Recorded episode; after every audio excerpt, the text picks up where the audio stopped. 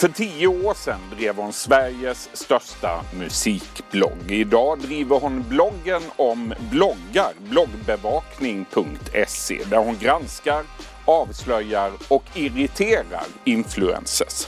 Den senaste veckan har hon haft drygt 1,2 miljoner sidvisningar på sajten. Och i höst släpper hon sin första bok. Varmt välkommen hit Camilla Järvide. Tack så mycket.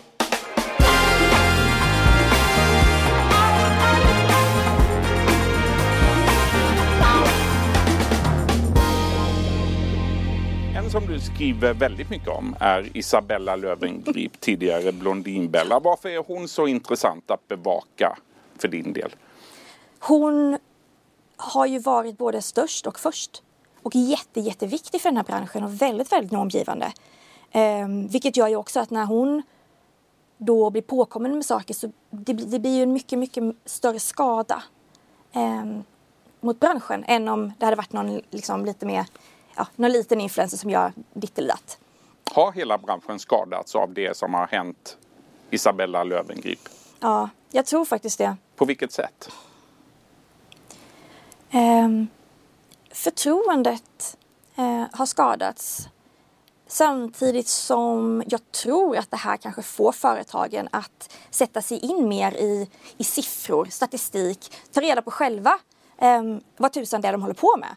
För alla företag vet ju att man ska hoppa på influencer marketing men det är ju ingen som vet kanske riktigt ha, vad ska man be om, vad ska man fråga om, vilket, vilken plattform ska jag vara i, hur ska man göra det här? Um, och det är ju den okunskapen som har lett till att, um, att, att, att uh, Isabella kanske kunde göra det här lite för länge. Mm, mm. En annan som du skriver mycket om är Bianca Ingrosso. För några dagar sedan skrev du att hon hade uttryckt sig på ett osmakligt och oansvarigt vis när hon pratade om olika klädstorlekar. Mm. Är hon en dålig förebild, Bianca Ingrosso? Alltså ingen är ju en dålig förebild hela tiden eller en bra förebild hela tiden utan det är ju alltså... I det här fallet var hon en dålig förebild? Ja, i det här fallet så tycker jag att, att eh, hon är en dålig förebild som uttrycker sig så. Samtidigt får man inte glömma att Bianca eh, kämpar ju fortfarande med nätstörning. Så att jag kan väl tycka att de som borde få den, den största smällen på fingrarna är de som klippte avsnittet. Liksom, de borde ha förstått att så här, kanske inte jättebra att hon uttrycker sig extremt nedvärderande om, om storleken medium eh, med tanke på vilka som följer henne. Händer det att influencers hör av sig till dig efter att du har skrivit om dem och vill diskutera det du har skrivit? Ja, ibland så vill de förklara. Ibland kontaktar de ju mig när jag har skrivit någonting positivt och bara liksom... Och tacka? Ja! Eh, ja det eh, en specifik influencer som verkligen skrev det så att ja, men man hör ju bara av sig till dig när man är arg. Så jag ville verkligen bara skriva och tacka för det här inlägget för att jag blev så himla glad. Eh, men, eh, men många hör ju av sig också och vill veta hur ska man reklammarkera? Jag gör rätt här. Hur ska, alltså så. Um, Ger du råd ja, i de lägena? Ja, absolut. Jag även, um, tar ju det materialet som exempelvis Konsumentverket, uh, de släppte ju en ny uh, vägledning här och använder det och blir ännu mer tydlig och ännu mer specifik. Um, för att det behövs.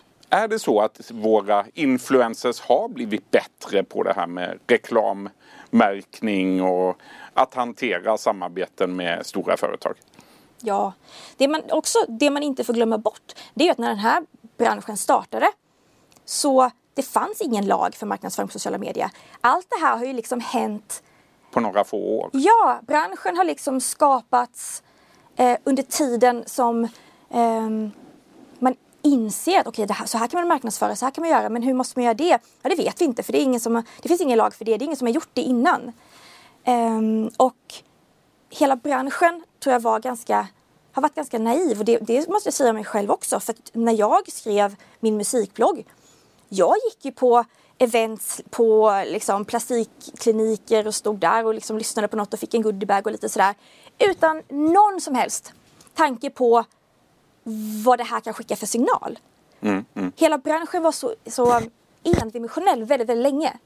Eh, och det är väl först nu Ehm, jag tror att företag, influencers, eh, liksom, eh, Konsumentverket, alla har börjat så här, inse att man måste kolla på det ur ett flerdimensionellt perspektiv. För att om en person gör någonting här borta, ja det kanske inte är så farligt, men vad får det för effekt hit och vad får det för effekt hit? Så blir det de här ringarna på vattnet. Mm, och det har varit ganska mycket negativa ringar på vattnet och då vill jag istället liksom vända om det. Men gör, gör det positivt istället. Uppmärksamma någon som gör rätt och så liksom kommer det åka ner hela vägen till de här mikroinfluenserna som gör lite vad de större gör. Just det. Camilla, du föddes den 17 november 1980, växte upp i Emmaboda i Småland mm. och efter gymnasiet flyttade du till USA för att studera musik i Hollywood. Vad kan du berätta om den tiden? Alltså det, det är den mest alltså, ska man säga, fantastiska tiden i mitt liv för att jag fick till 100% ägna mig åt det jag älskar med folk som också älskar musik. Eh, så det var ju det som genomsyrade alltså hela livet. Drömde du själv om att bli en stor eh, stjärna? Ja, gud ja. Nej, men det gör jag fortfarande. Det gör du fortfarande? ja, nej men alltså det, det, det är som att ha varit liksom lite så här bort på Disneyland. För att Hollywood har ju inte det är ju ingenting annat än just liksom för turisterna. Eh, folk kommer dit och liksom typ tittar på en, vad man än gör. Eh, och sen åker de därifrån. Det är lite en låtsasvärld. Ja, faktiskt. Mm. Eh, du Camilla, du har valt att vara öppen också med att du är nykter alkoholist. Mm. Varför då? Jag tycker att det är jätte, jätteviktigt att, um, att lyfta fram att alkoholister är inte människorna på parkbänkarna liksom, som man kanske tänker utan det kan drabba vem som helst oavsett samhällsklass och eh, det är inget skamligt eh, med det utan det kan drabba vem som helst. Och eh, då tycker jag att, att det är viktigt att inte, inte skämmas över det utan att, ja, det var väl kanske inte vad jag hade tänkt mig men det blev så och eh, mitt liv är helt fantastiskt utan alkohol. Mm. Och nu har du varit nykter i över två år. Mm. Du, 1999 då startade du din första blogg. Mm. Eh, den blev ganska fort en av Sveriges största musikbloggar. Hur bar du dig åt? Alltså från, från början när jag startade den eh, så fanns det ju typ inte blogg.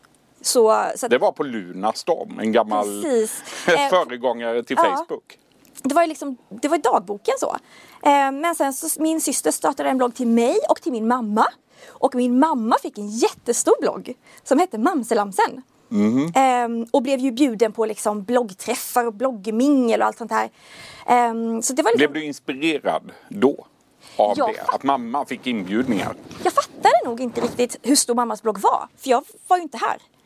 Uh, så jag skrev ju min så att ja, men uppdatera vad man gör. Det fanns ju inte Facebook, det fanns inte MySpace. Uh, eller jo, MySpace. Uh, så att jag, ja, men jag uppdaterade om vad jag gjorde. och sådär det, fanns, som sagt, det fanns inte så mycket, många sådana eh, bloggar så att den blev välbesökt. Och sen så blev det ju mer och mer musik. Um, och sen när jag kom hem till Sverige så blev det ju mycket mer musik så tillvida att jag, jag men, fotade konserter, intervjuade artister um, och mm. sådär. Du, sedan februari 2016 driver du sajten Bloggbevakning där du granskar influencers. Varför startade du den sajten och hur gick det till? Um, jag hade ju slutat skriva om musik um, ett tag och kände att det kliade lite i fingrarna. Jag, bara, jag vill skriva, jag älskar att skriva, jag gillar ju det här, um, hela den här liksom, sociala medieplattformen. Och du låg hemma, var magsjuk ja, exakt, jag var, jag i februari hemma. 2016. Ja, och, och var magsjuk och, och, den här sidan som jag brukade läsa som var då en skvallerblogg, man säga, Eh, jag visste att tjejen, hon hade fått barn och det var liksom ganska sparsmak, alltså det var inte så mycket uppdateringar. Så jag skickade iväg ett mejl och bara, men du, ska vi, vill du ha hjälp? Eh, men det vill hon inte. så, så då så tänkte jag att, men vad fasen. Jag startar eget. Exakt. Wordpress.com, liksom, hur svårt kan det vara? Um, så jag drog igång det, alltså, skrev första inlägget, kollade lite bland hennes kommentarer så här, vad folk vill att man ska skriva om. Um, och bloggbevakning var ju liksom ett namn som jag bara hittade på. Så här, ja men blogg det är det, typ. Jag bevakar. Mm. Eh, och det passar ju egentligen inte alls in idag för att det är så mycket en blogg. Mm. Men, men det har ju blivit, det har blivit så pass etablerat att jag kommer aldrig kunna ändra det. Det, det får vara bloggbevakning. Mm. Det är klart att det får. Mm. Hur ser en vanlig arbetsdag ut för dig idag då? Eh, det, det är ganska olika. Jag brukar säga, jag säger det att liksom, den startar och slutar ingenstans för att den är kontinuerligt pågående. Eh, Du har alltid telefonen med dig så att du följer med. Ja, eh, och är det inte så att jag liksom letar efter saker att skriva om så eh, måste jag hålla koll på kommentarsfältet, mail eh, och sådär. I och med att jag har ett omodererat kommentarsfält. Vilket gör ju då att jag är inte ansvarig för det utan den som skriver om det. Men samtidigt så är ju jag högst ansvarig för vad jag låter stå på min sida. Eh, Så att ja, det, det, liksom, det, det, pågår hela tiden och sen, Hur mycket tid lägger du på att följa influencers? gud det är jättemycket. Det är flera timmar om dagen. Ja, eh, samtidigt så det är så svårt för att det, var liksom, det är ju någonting jag, jag liksom uppskattar. Det är ju underhållning, det är ju ett intresse jag har haft. Eh, så det är så svårt att säga vad som är jobb och vad som är liksom, läser jag den här bloggen nu, hade jag gjort det även om jag inte hade haft min blogg? Ja, ja. Så att, så det, är liksom, det, det pågår hela tiden. Eh, Hur mycket tips får du då? det är mycket. Eh, väldigt mycket. Alltså, Hör de av sig själva? Influencers? Ja, eller? alltså det, har, det har hänt någon gång. Mm. Eh, men då har det ofta varit någon mindre influencer som jag inte bevakar och som gärna skulle vilja då att jag Som skriver. vill bli bevakad? Ja. Eller så går de in och skriver i en kommentar att oj, har ni sett vad den här personen har gjort? Eh, men jag är så här, men det är ju helt harmlöst. Så. Mm. Eh, men mycket, mycket beror ju också på hur dagen ser ut. Som nu när jag är här. Då har jag ju tidsinställt inlägg som kommer ut. Eh, så det är ju hela tiden ett pusslande för att bloggen aldrig ska stå tom. Varför är det viktigt att det inte går för lång tid mellan uppdateringarna? För att du är liksom inte mer än din sista uppdatering. En, en, eller din sista trafik. Eh, och framförallt på, på sociala medier så du, kan förs- du försvinner så snabbt. Kan inte det vara väldigt stressande också? Hade jag skrivit om mig själv så hade jag nog förmodligen liksom fått magsår. Just för att de som skriver om sig själva de kan ju aldrig göra någonting liksom, som inte, de inte kan använda som content. Ehm, eftersom att det är ju, då, det är ju slöseri med liksom, tid. Ehm, men i och med att jag inte, jag behöver inte aldrig göra någonting för att ha någonting att skriva om. Så att jag blir väl mest stressad när, då, alltså när de jag skriver om typ tar semester. För då, då får jag ju trolla med knäna. Ja, Ehm, ja jag förstår. och försöka kanske då att så här, ja men då kanske jag ska skriva ett inlägg om ehm, ja, men, något lite större perspektiv på det här eller sådär. För att, eh, och det, så det är väl enda gången jag kan känna att så här, men gud vad skönt det hade varit om jag kunde visa vad jag har på mig. Ehm, men å andra sidan så kan jag ju sitta hemma och jobba i pyjamas. Just det, Det är väldigt skönt. det är skönt. Utan att behöva visa upp det på. Exakt. Du, hur, eh, hur mycket pengar tjänar du då? Det har spekulerats i att du gör flera miljoner på den här sajten. Ja, jag var tvungen att, att, att skicka ett mejl till den journalisten faktiskt och bara Kan du berätta hur du har kommit till den här siffran? För det stämmer inte. Fem miljoner påstods Ja. det av Breakit. Ja, precis. Eh, nej, nej, nej, gud nej. Ehm, men det har varit lite, alltså det har varit lite upp och ner för att ehm, på min förra plattform som jag låg ehm, hade jag ett väldigt, väldigt, väldigt generöst eh, avtal. Som var lite för generöst. Så de, vi var, ja, eh, liksom summa summarum så möttes vi liksom, med våra advokater för att de hade inte De köpte ut dig helt enkelt. Ja, de betalade inte sina fakturor. Eh, och den summan som liksom står på det eh, liksom domstolsbeslutet är ju inte vad jag tjänar idag. Nej. Därför att eh, summan för bannerannonser sjunker hela tiden och jag har ju valt Vad beror det på?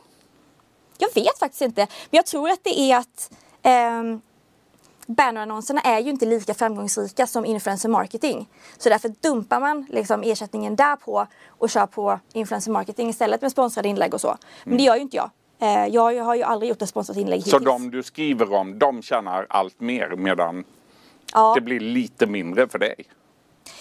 inte mindre kanske eh, i och med att bloggen hela tiden växer. Men eh, Om vi blickar framåt då, fem år i tiden.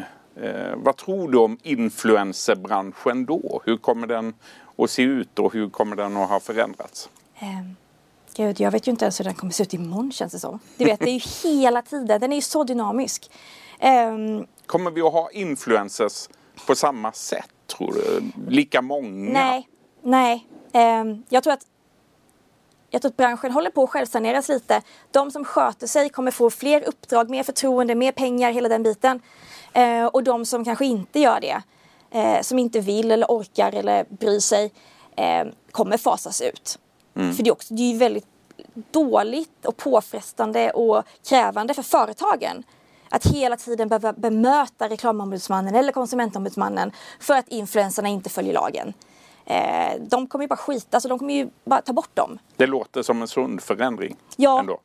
Jag tycker det därför att just nu så är det lite så här High Chaparral. Det är ehm, må- så många situationer är liksom för första gången. Eh, och då, då förväntas de här unga influencersna, influencersna ehm, som kanske inte ens har gått ut gymnasiet att så här, de ska förstå eh, att det här omfattas av den här lagen som vi skrev ut igår. Ehm, Inte alldeles enkelt. inte alldeles enkelt. Ehm, och ju svårare det är desto färre, alltså, folk, alltså är någonting svårt då skiter man i det oftast. För man tycker att, ja men varför ska jag bry mig? Ingen annan bryr sig. Du Camilla, avslutningsvis. Du håller på att skriva en bok just nu. Den ska släppas i höst. Och, eh, eh, du kommer i den att granska vår tids nya mediemakthavare. Vad kan du berätta om boken? Ehm, boken kommer ju ifrån ehm, bloggen. Ehm, Du hämtar innehållet Ja. mycket därifrån. Men den kommer inte, ham- den kommer inte handla om enskilda influencers. Eh, ingen kommer behöva sitta och vara jättenervös för att jag ska hoppa på någon i något, eh, något kapitel. Att oh, den här, hon gjorde det och hon gjorde det. Utan det är mer fenomenet Ja. i stort. Ja men alltså den kommer vara, den kommer granska samhället som vi har nu och utvecklingen som den här nya, eh, de här nya makthavarna har.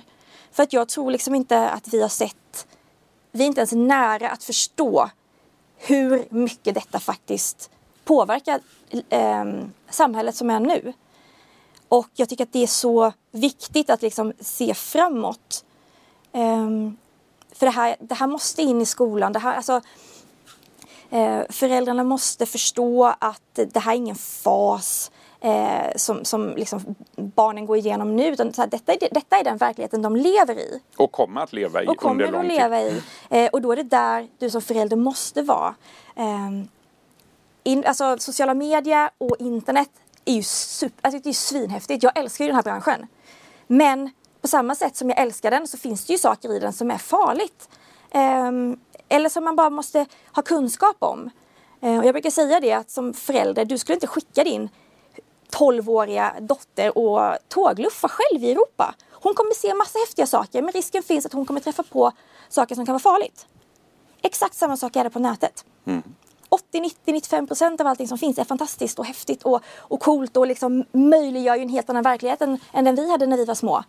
Men då måste du också veta att det finns liksom faror där ute också.